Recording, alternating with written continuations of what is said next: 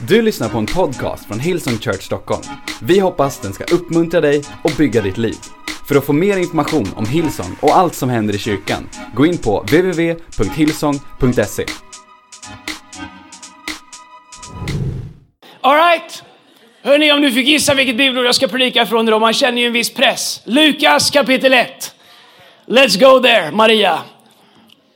Om du inte vet vad som händer i Lukas, Matteus, Lukas, Matteus, Lukas kapitel 1 så är det en story om Maria, inte en story, det är en sann berättelse om Maria, Jesu mor. Och, eh, ska tala idag eh, över temat eh, Vill du bära det Gud vill ge dig? Och jag vet att det här är en julpredikan, jag vet att du har tagit med dina gäster och, och jag ska vara på mitt absolut bästa uppförande. Men grejen är, du vet, när man öppnar Bibeln och börjar förbereda sig så, så blir man ju brinnande. Och, så jag kan inte lova någonting idag om att det här blir ett fint litet julmöte. Utan det, det kan bli som vanligt, alright? Men vi hoppas att det blir bra. Och ni i city och ni i södra. Hej Tigge, det vill till att ni skriker där nere i södra. Vi har öppnat fönstren här så det ska höras hela vägen från Södertälje upp hit när ni säger amen. Och, och, och i city, om ni ser Erik Liljer och sitta och surfa på sin mobil där så bara ta den ifrån honom, ge honom en bibel och se till att han ska pay attention. Alright? Lukas evangelium kapitel 1. Är ni redo? Okej. Okay. Nu är det så här att jag har tryckt ut de här bibelorden i stor font. Därför att eh, ingen vettig människa kan läsa Bibeln med sån här liten font. Eh, men du kan lyssna på mig. I sjätte månaden, vers 6, blev ängeln Gabriel sänd av Gud till en jungfru i staden Nasaret i Galileen. Hon var trolovad med en man, betyder förlovad med en man som hette Josef och var av Davids släkt och jungfruns namn var Maria. Ängeln kom in och sa till henne, gläd dig du benådade, Herren är med dig. Men hon blev förskräckt som man lätt blir när det dyker upp änglar vid hans ord och undrade vad denna hälsning kunde betyda. Då sa ängeln till henne, frukta inte Maria, ty du har funnit nåd hos Gud. Se, du ska bli havande och föda en son och du ska ge honom namnet Jesus. Han ska bli stor och kallas den högste. Och Herren Gud ska ge honom hans fader Davids tron. Han ska vara konungen vid Jakobs hus för evigt. Och hans rike ska aldrig få något slut. Maria sa till ängeln, hur ska detta kunna ske? Hon hade gått på biologilektionerna och, och fick liksom inte ihop det här. Ingen man har någonsin rört vid mig. Ängeln svarar henne, den helige ande ska komma över dig och den högstes kraft ska vila över dig. Därför ska också barnet kallas heligt och Guds son. Och se din, eh, din, din släkting Elisabet ska på sin ålderdom också få en son. Det är liksom typiskt Jesus, han slänger in en bonus. Din gamla släkting som inte har blivit gravid, hon får den också. Det är lite som när Loket kör Bingolotto, liksom han vinner. Du får en bil och 25 000 kronor på Lidl. Så Elisabet blir, på, blir havande här samtidigt. Hon som han har sagt är ofruktsam, hon är nu i sjätte månaden, ty för Gud är ingenting omöjligt. Och Maria sa, se jag är Herrens tjänarinna, må det bli, ske med mig som du har sagt. Och ängeln lämnade Herre. Elisabet vet vi inte om hon fick välja, det bara small så var hon eh, gravid. Så akta dig i bönen här i slutet på mötet, du kan gå härifrån gravid. Det är inte, det är inte helt, eh, helt eh, omöjligt, men risken är väl inte så stor. Även ni kommer till åren. Maria blir bärare av hela Guds frälsningsplan. Det bibelord som Lina citerar innan efter mycket om och men eh, från eh, Jesaja som talar om att det ska komma en son. Jesaja profeterar om det 700 år innan Jesus föds. Gud själv har väntat på att sända sin plan som han själv har talat om som finns nedtecknad, som människor har läst om. Alla väntar på det. Alla judar väntar på det. Gud själv sätter sin plan i verket. Och man kan ju tänka, jag vet hur vi gör när vi ska göra en plan när vi går till Globen. Då vill vi jobba med människor som kan det här, människor som liksom, du måste åtminstone sjunga lite, förstår du? För att vara med i kören, vi har liksom, ni såg den här stora kören. Jag säger inte att det är jättehög liksom intagningskrav, men du måste kunna sjunga, okej? Okay? Något som P.L. Cummings fick upptäcka när han kom var att man måste även kunna röra sig, vilket han gjorde med bravur. Men när Gud ska sätta sin plan i verket så går han till en ung kvinna som aldrig har varit mamma innan. Om du skulle anförtro himmelens son så hade du gått till någon som hade tryckt ut en sådär 8-10 ungar innan och som tänkte en till är väl inte så farligt. Det här har vi gjort innan. Men han väljer någon. Man tror att Maria kunde varit 16 år. Runt 16 hon är en tonåring, har aldrig varit gravid innan, har aldrig tagit hand om ett barn innan. Men hon blir havande med Guds hela frälsningsplan. Det som har gjort att du och jag kan leva i frid med Gud, i förlåtelse just nu. Maria blir, som man så enkelt blir när man säger att man har blivit gravid utan att ha träffat en man, missförstådd av sin förlovade Josef. Nej, jag lovar, det var ett mirakel, kom en ängel. alltså det kanske funkar för Maria, men det kommer aldrig funka för någon annan här inne. Eller i södra för den delen. Jag lovar! Abibi, jag lovar! Det var en ängel! jo tack, mycket änglar på den Finlandsfärjan. nej, nej. Så Josef, han har lite svårt att köpa hela upplägget här med att Maria, 16 år, orörd, okysst, har blivit havande. Det är svårt för Josef att omfamna det. Lika svårt det är som om, som om din flickvän som du är förlovad med skulle komma och säga, jag är gravid men var inte orolig, jag är himmelens son. En ängel har rört vid mig. Jo, tala om var han bor så ska jag åka på ett hembesök.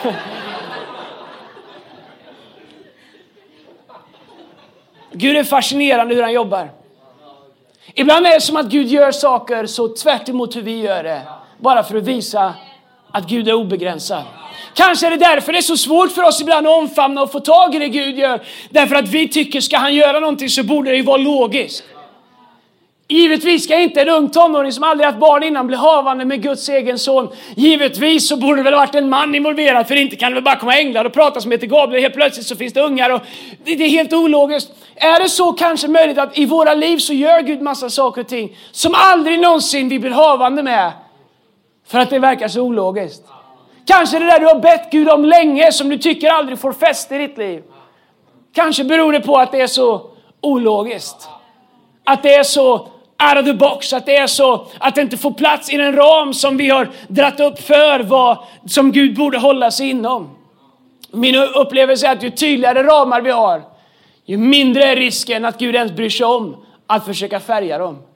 Därför att han vet att han får ändå inte plats i våra ramar. Men när det varit enkelt för Maria att ge upp, när hon som mest behövde Josef och, och, och, och, när hon som mest behövde dem runt omkring som inte förstod vad Gud hade gjort. Vad enkelt det är när Gud lägger något i våra hjärtan att vi människor inte förstår och vad enkelt det är för oss att säga nej om inte alla förstår, om inte alla är hos mig, om inte alla ser det jag ser, då, då, då är det inte värt det. Och så ger vi upp på det Gud har gjort oss, eller gett oss. Men, men det som är fascinerande med Gud är att även om han gör det på extraordinära sätt så har han alltid valt att använda väldigt ordinära människor. Och kanske är det därför som vi ibland också har så svårt att se dem, för det Gud gör kommer till oss ibland så oerhört ordinärt. Och Gud använder så ordinära människor. Faktum är att Jesus inte är kvar på jorden. Innan han lämnade sa han, jag går till Fadern. Nu ska ni göra det jag har gjort tidigare, nämligen att vi ska vara hans händer och fötter. Så chansen är väldigt stor när du ber Gud om någonting, att han säger absolut, jag ska göra något extraordinärt för dig. Men jag kommer använda någon väldigt ordinär för att vara bärare av det här som du har bett mig om. Och så kommer det här extraordinära förpackade, förpackat i, i en ordinär människa. In i våra liv. Om vi säger det här kan inte vara Gud, det här är alldeles för vanligt. Jag menar ibland är det så ordinärt att Gud använder din egen hustru för att tala till dig. Och Gud vet att det inte alltid är enkelt att höra hans röst. Alla män sa Oh no, you didn't. Det skulle du aldrig ha sagt.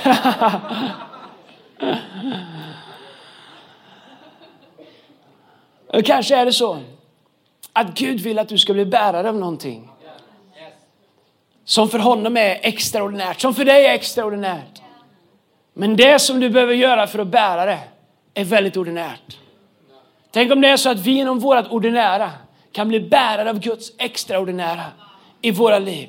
Gud talade till Josef och han sa, och på samma sätt som Gud talade till Josef så jag är övertygad om att när du väljer att börja bära det som Gud har kallat dig att bära så kommer Gud börja omge dig med människor som förstår vad det är du gör och som även om de inte förstår är beredda att stötta dig villkorslöst. Det är min bön att vår kyrka skulle vara en plats där vi stöttar människor villkorslöst även om vi inte alltid förstår deras resa, även om vi inte alltid förstår deras bakgrund, även om vi inte alltid förstår deras beslut så är min bön att våran kyrka skulle vara en plats där du kommer in hit och människor säger ah, jag fattar inte allting som pågår eller allt du säger eller alla dina beslut. Men jag älskar dig villkorslöst och jag är committad till dig och jag kommer inte ge upp på dig. Därför att det är sådana människor som vi behöver runt omkring oss för att kunna fortsätta att bära det Gud har lagt i våra liv.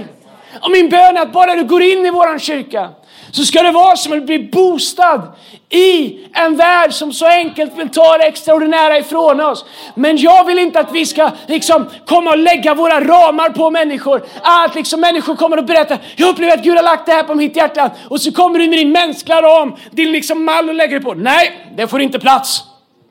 Det kan inte vara Gud. Och kan jag få föreslå att Gud kan göra saker som är lite mer än vad du förstår. Jag vet att just du är vansinnigt briljant. Men även med din briljans, ni i city, så kan Gud göra mer än vad något hjärta förstår. Vad ett öga har sett, vad ett öra hört, vad ett hjärta, människohjärta kan förstå. Och vårt jobb är att över tid se på frukten. Men vi kan inte döma det som ännu inte har börjat bära frukt. Utan vi måste hjälpa varandra att göra som Maria gjorde. Ta det till sig, gömma det i sitt hjärta. Du behöver bli en Josef till någon annan människas dröm. Du behöver bli en beskyddare och en bärare och en supporter till andra människors drömmar i ditt liv. Come on city! All right. Så... Vad legitimerar det du bär på från Gud? Hur vet man att det är från Gud? Vad är det som gör det legitimt? För att på samma sätt som Maria bar Guds löfte inom sig så är jag övertygad om att Gud vill att du ska bli bärare av hans löften. Jag är övertygad om att Gud vill att du ska bli bärare av hans löften till din värld. Till den värld som du är. Maria kommer inte gå dit. Vi ber inte till Maria. Vi tror inte att hon kan göra speciellt mycket för oss, men något vi tackar Gud för vad hon gjorde när hon födde himmelens son till oss. Men oh, come on somebody. Är det till mig? Ja, du är ju fin alltså. Ja.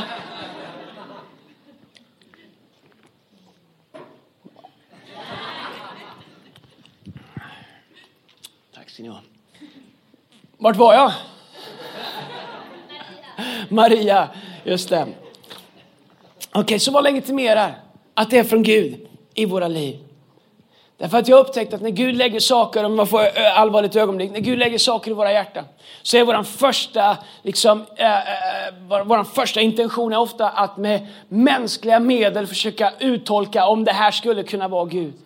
Faktum är att ibland när jag ser på Guds folk, och jag ser på Guds församling och jag ser på kristna så ser jag att det är så enkelt för oss att anamma världens normala och utifrån det definiera om det skulle kunna vara Gud. Men vet du vad? Gud han kan göra mer än vad vi någonsin har sett. Och faktum är att när vi ber så kan Gud komma och göra på ett sätt som du bara tycker det här är inte klokt. Och vet du vad Gud tycker om det?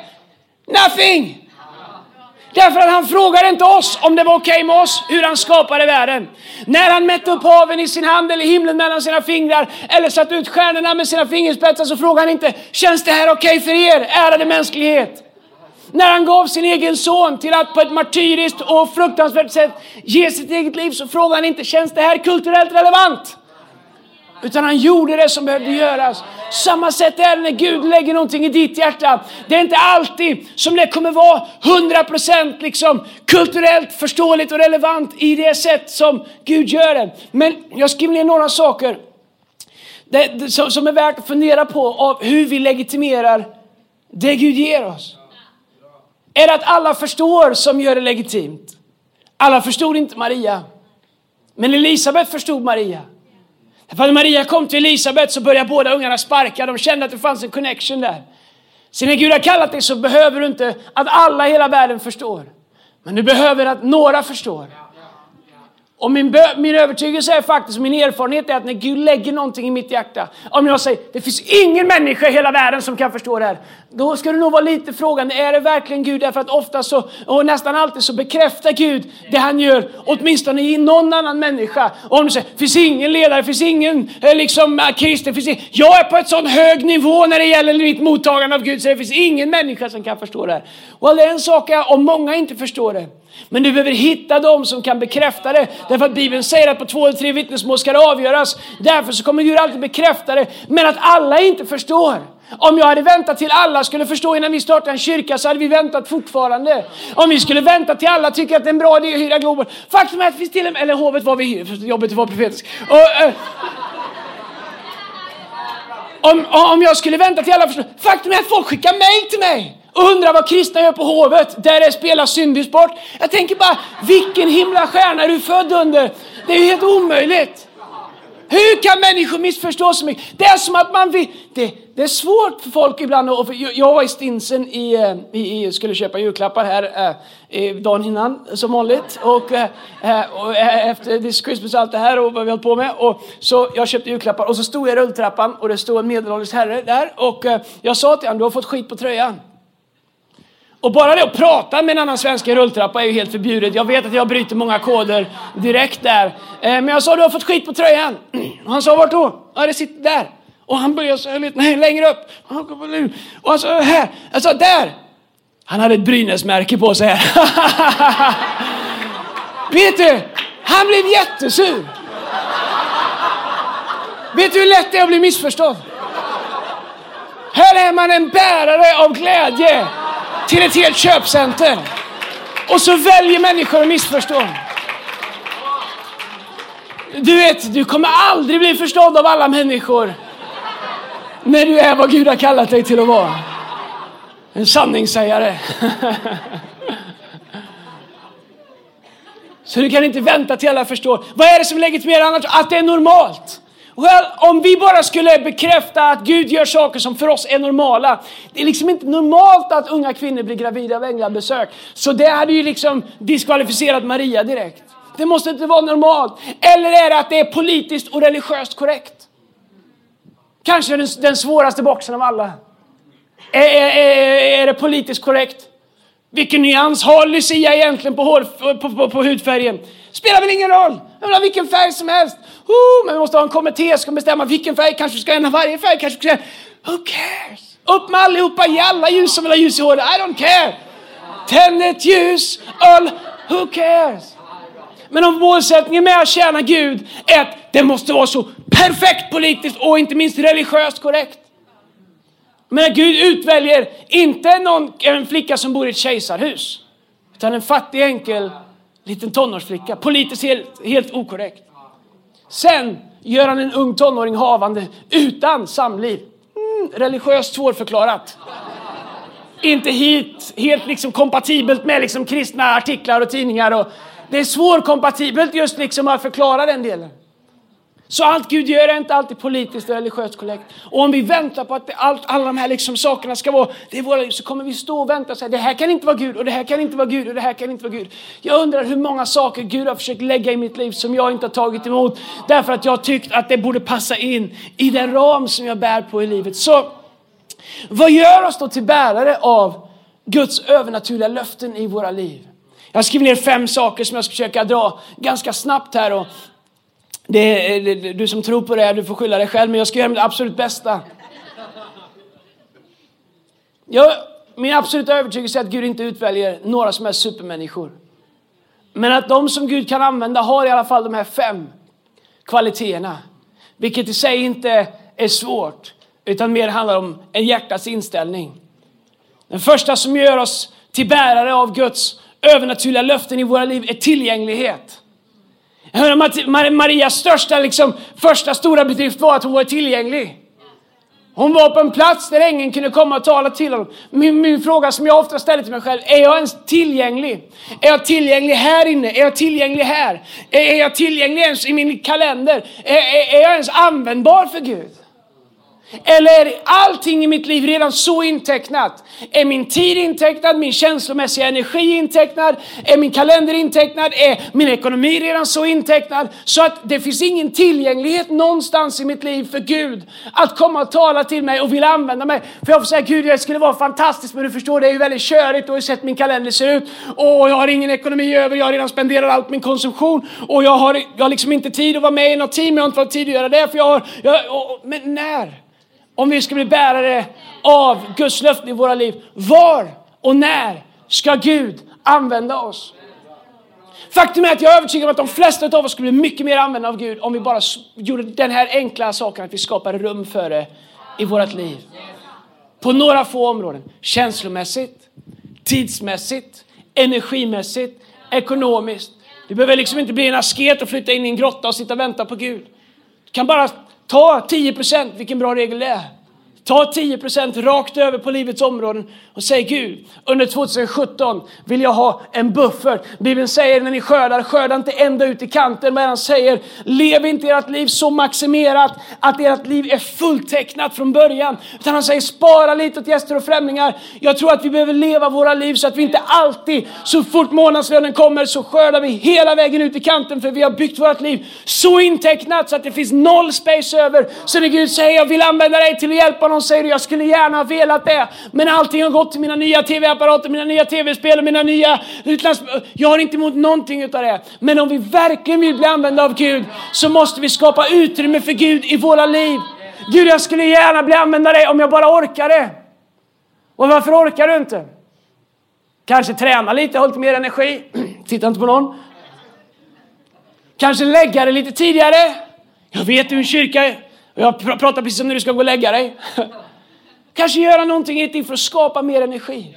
Kanske är det till och med så att det finns personer i ditt liv som du kanske 2017 behöver ta en paus ifrån. För att kunna behålla lite mer energi i din tillvaro. Som Gud kan använda. Tillgänglighet, kolla här, det, det står i Lukas 11.28. Ängeln kom in och sa till henne, gläd dig du benådade, Herren är med dig. Alltså hon hade plats i sitt liv.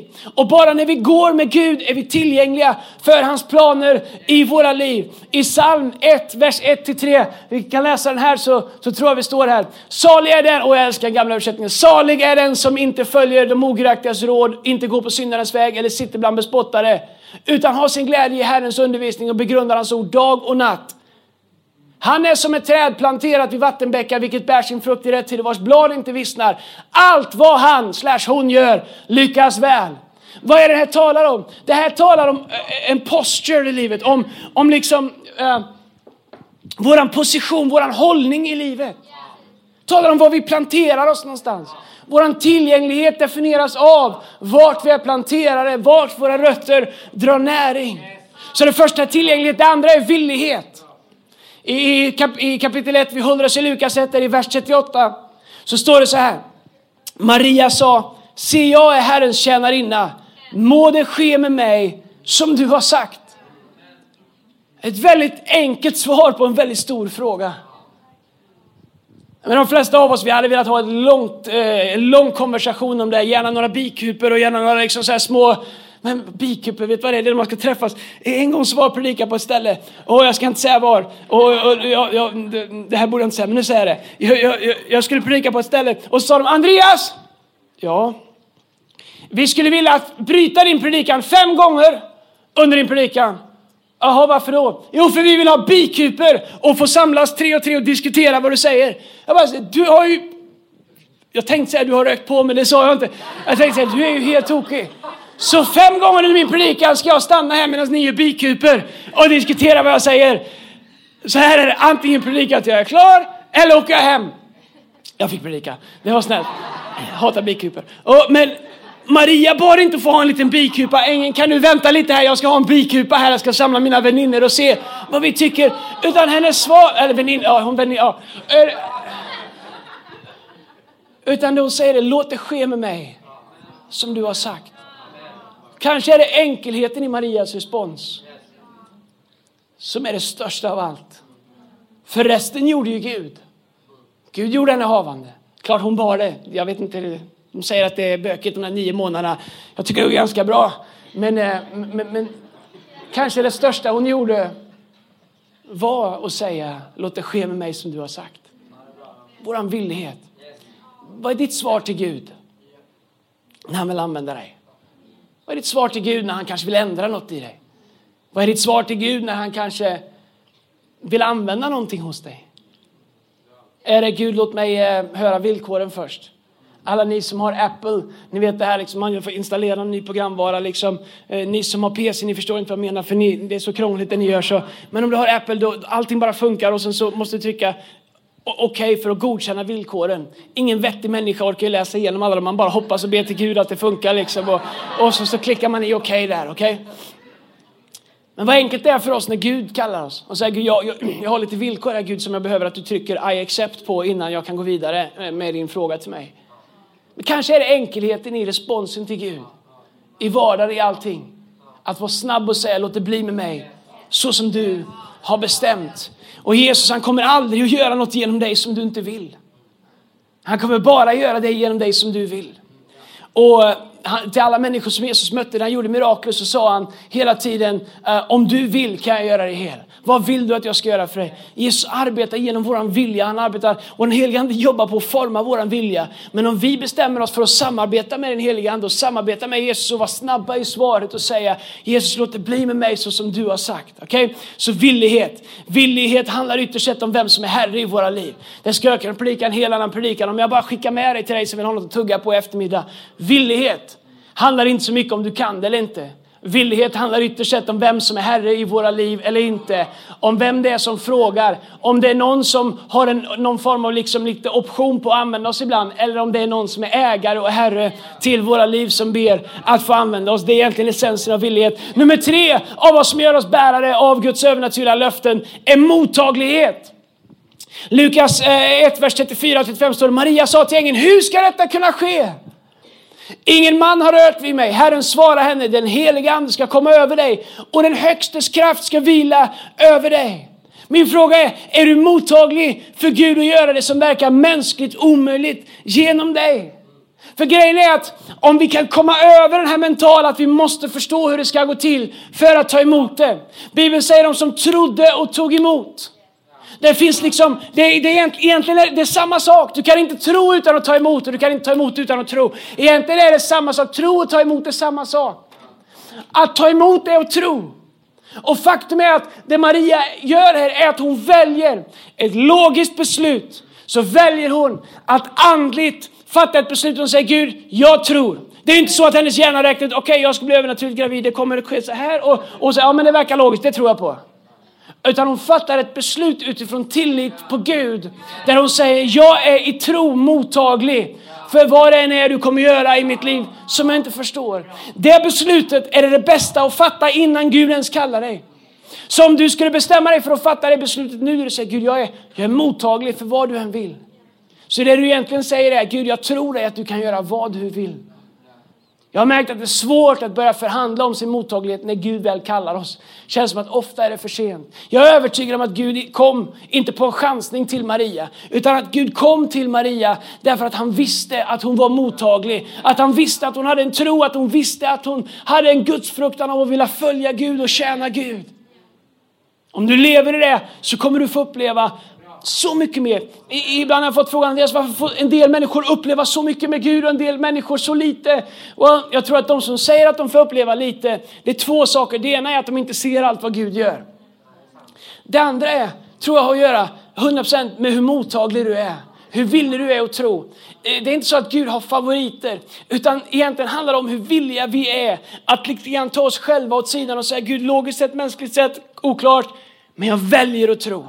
Jag fattar ett logiskt beslut att förtrösta och tro på det du säger och följa dig i det. Amen. D därför att Gud är A och O. Alfa och omega, förlåt, alfa och omega. Han är utan början, utan slut. Och problemet när vi ska kvantificera honom och trycka in honom i logik som har en början och ett slut och som har ett ramverk är att Gud inte får plats där. Därför att han är alltings början, alltings slut. Han är evig, han är överallt samtidigt. Som du säger Gud, är du här? Så säger han, ja det är jag. Men någon annan säger, nej, nej, nej, Gud är här. Han säger, ja det är jag. Men han säger nej, nej, nej, nej, Gud är här. Han säger ja det är jag. Och när vi ska hålla på och liksom trycka ihop honom på alla olika sätt så kommer det inte funka. Därför är mottagligheten det bästa med öppna händer säger Gud, vad du än vill. Eller som, Samuel, som Eli sa till Samuel när Samuel inte förstod att det var Gud som talade, sa e- Eli till Samuel, nästa gång du hör rösten, säg tala Herre, din tjänare hör. Vad är det Eli ber Samuel göra? Sa e- Eli ber Samuel redan innan bestämma sig för att ha sagt ja i sitt hjärta. Så att nästa gång han hör rösten så behöver han bara säga, sätt igång, det är klart här, jag är med, jag har tackat ja, jag har skrivit på. Och på så sätt, när han gjorde det, så kunde Guds plan sättas i verket i hans liv. Okej, okay, det fjärde är uthållighet. Precis som ni har som lyssnar på min predikan i Jesu namn. Come on Södra och City, uthålligt lyssnar ni på vad Gud har att säga förhoppningsvis den här morgonen. Lukas 1.38 så står det så här, och ängeln lämnade henne. Kanske är det den svåraste tiden början när Gud har talat och ängeln lämnar henne. Har du varit på en konferens någon gång och det är underbart så är konferensen slut? This is Christmas. Jag hade nästan lite så här, vet, emotionell baksmälla efter This Christmas. Vi har levt i den här This Christmas-bubblan så länge dit i tid och så, oops, en timme 47 minuter var som var det över. Och så, jaha, ja, ja, ja.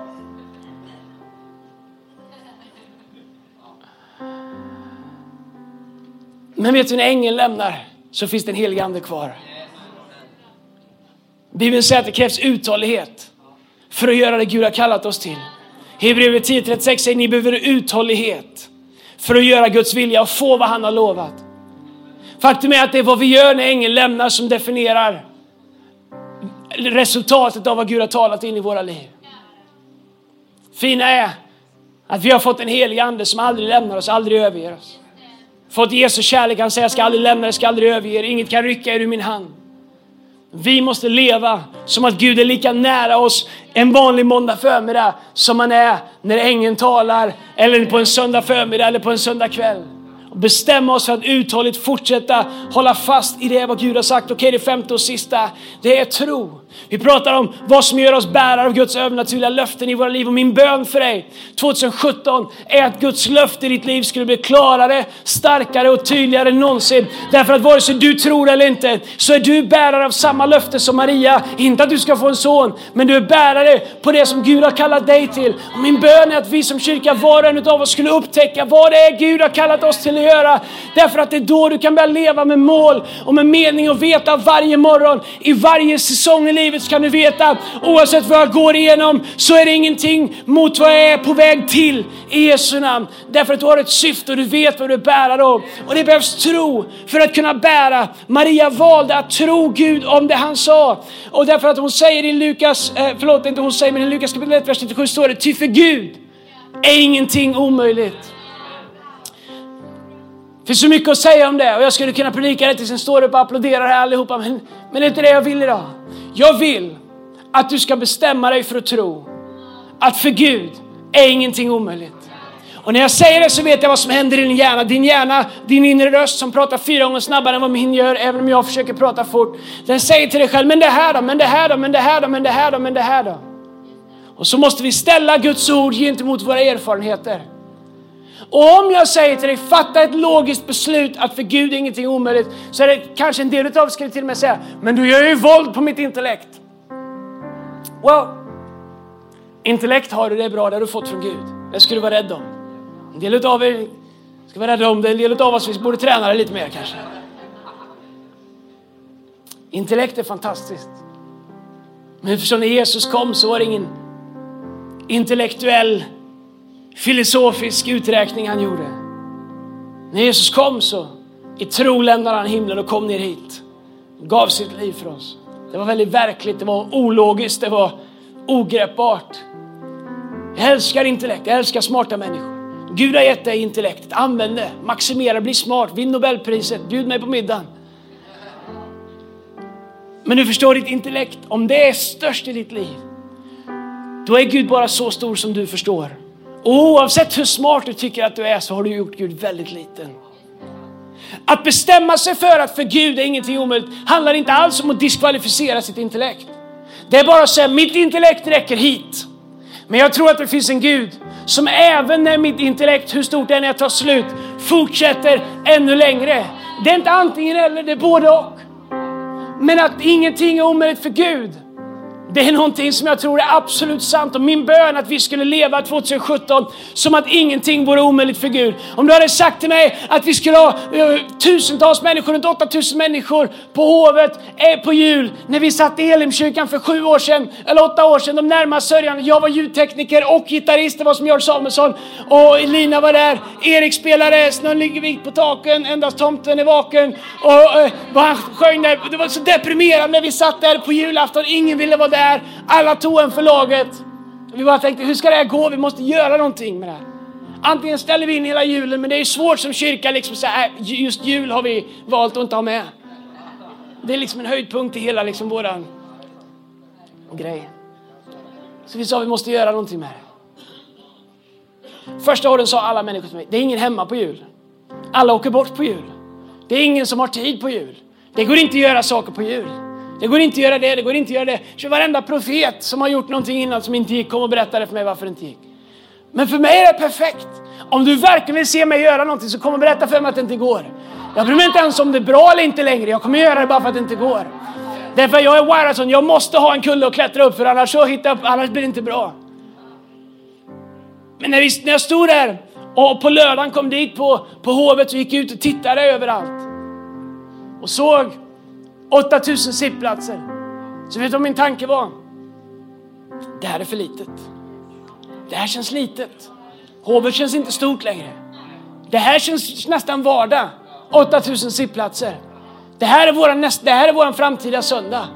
Och du säger Andreas, det, det är lite stort. Well, det är inte stort för mig för jag har varit med när vi satt 12, 13, 14 stycken liksom och undrar om det någonsin fick gå igång något här. Ah, alltså att vi ens kan göra det här om vanligt det är ett mirakel. Men vet du, jag, när jag gick ut på, på den här tungan som vi hade byggt där på lördagen och, och och stod och tittade runt och tänkte två saker. Tack Jesus att det kommer kvalitet i den här lokalen. För det första jag tänkte. Det andra jag tänkte på var att det här känns inte stort längre. Det här känns inte stort. Det här skulle kunna vara en vanlig söndag. Och du säger, hur kan det bli det? Därför att för Gud är ingenting omöjligt. Om du blir bärare av vad Gud har kallat dig till att bära så kan Gud använda dig i din värld och till den värld som Gud har kallat dig till att göra så stora mirakler om du bestämmer dig för att hålla fast i tro. Jobb, han säger i, i kapitel 42, vers 2, tro, han, han, han säger så här, eh, Jobb, har vi det eller? Kapitel 42 med jobbet annars. Här, jag vet att du förmår allt. Inget som du beslutar dig för beslutar är omöjligt för dig. Det är vad Jobb säger. Tänk på alla situationer Maria fick gå igenom, tänk på allting hon fick genomlida för att bli det som Gud hade sagt att hon skulle bli. Nio månaders graviditet, en tillvaro på flykt direkt när, när löftet föds fram, en tillvaro på flykt därför att Herodes bestämmer sig för att, för att döda alla pojkar. Så hon får börja med Nio månader av, jag vet inte hur det här kommer gå, vad kommer ut här egentligen? Liksom, hur kommer det se ut? Liksom? Ja, det kunde kommit ut vad som helst. Liksom. Föds med glorian först liksom. Det kommer ut en son.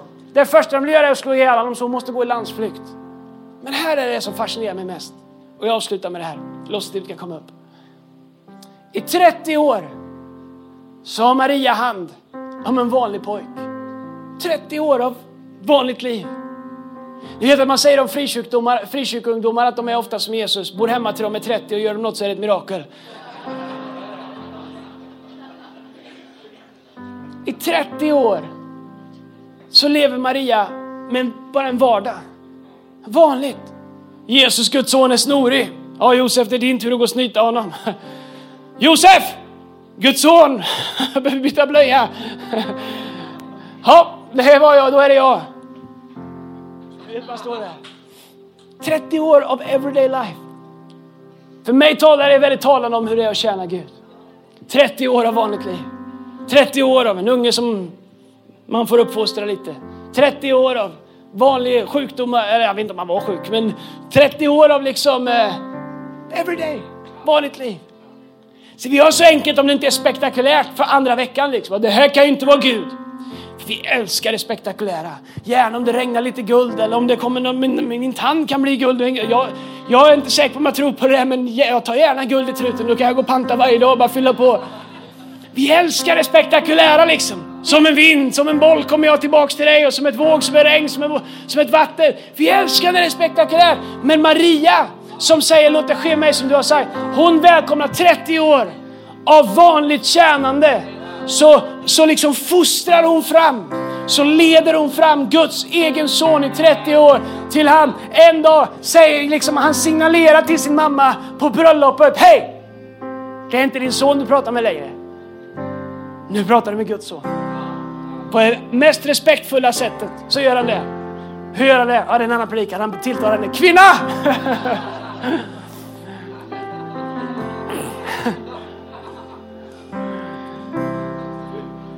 du någonsin känner dig misslyckad med alla del, någon del av din uppfostran så kanske Maria också gjorde det, jag vet inte. Men för mig talar det om att tjäna Gud är en vardag. Där vi tjänar Gud i vardagen med det han har anförtrott oss åt. Där vi ser det övernaturliga mitt i det otro, övernaturliga, mitt i det naturliga. När vi ser det otroliga i det som är vanligt. När vi bestämmer oss för att inte sätta en ram på Gud utan när vi väljer att hålla fast i tro på allt som Gud har lovat, allt som Gud har sagt så att vi kan få det. Maria, eftersom hon höll fast i det hon, i det hon bar efter ängelns besök så firar vi idag att en frälsare har visat oss villkorslös kärlek, evigt, evigt liv, frid, hopp, tröst och mening med livet. 30 år av everyday. Jag skulle vilja säga det till alla er som lyssnar som är med i våra team som tycker att du gör bara en vanlig, som du som kom upp med vatten här. Vet du vad det är att tjäna Gud? Det är att göra vad du gör. Eller er som har satt upp stolar, eller er som håller på ute i foajén. Per-Lars som stod och körde med skruvmaskinen här på morgonen och, och sen så såg att de serverar glögg så hoppas du inte har kört hem den efteråt för vi får nog ta ett varv till här inne. Vet du vad det ser ut att tjäna Gud? Det är att göra vanliga saker i Guds vilja men att i tro hålla fast i det Gud har sagt och säga Gud, vill du tala till mig? Jag är tillgänglig, jag är villig, jag är mottaglig, jag är användbar, jag är uthållig och jag har tro och jag kommer inte ge upp utan jag kommer fortsätta tills du gör det som du har valt att göra i Jesu namn. Church, jag är övertygad om att 2017 kan bli det bästa året någonsin för våran kyrka. Det bästa året någonsin för dig personligen. Om du väljer att bestämma dig för att bli en bärare av allt som Gud har för dig i Jesu namn. Kom ska vi stå upp tillsammans. Du har lyssnat till en podcast från Hillsong Church Stockholm. Om du vill veta mer om vår kyrka eller om våra söndagsmöten, surfa in på www.hillsong.se